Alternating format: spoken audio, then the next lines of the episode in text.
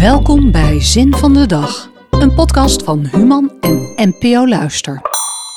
Het doel van de staat is de vrijheid. Spinoza.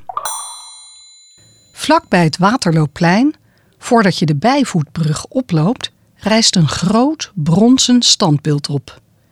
Statig en robuust kijkt hij uit over Amsterdam. Zijn wijde mantel is bedekt met vogels.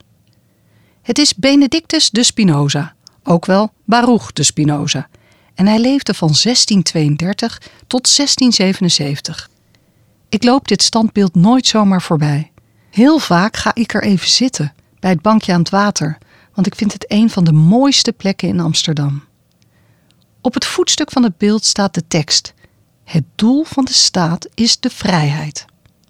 Spinoza is een van de grootste bepleiters van de vrijheid van meningsuiting.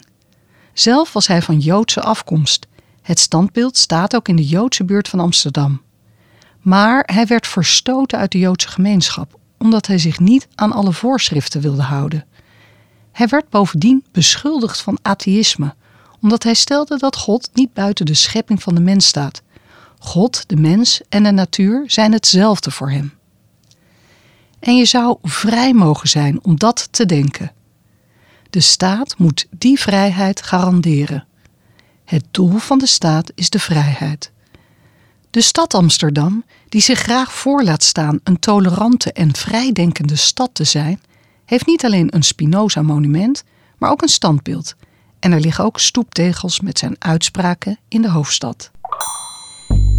Is er bij jou in de stad ook straatfilosofie te vinden die je raakt of mooi vindt? Laat het me weten. Stuur een foto en een bericht naar zinvandedag.human.nl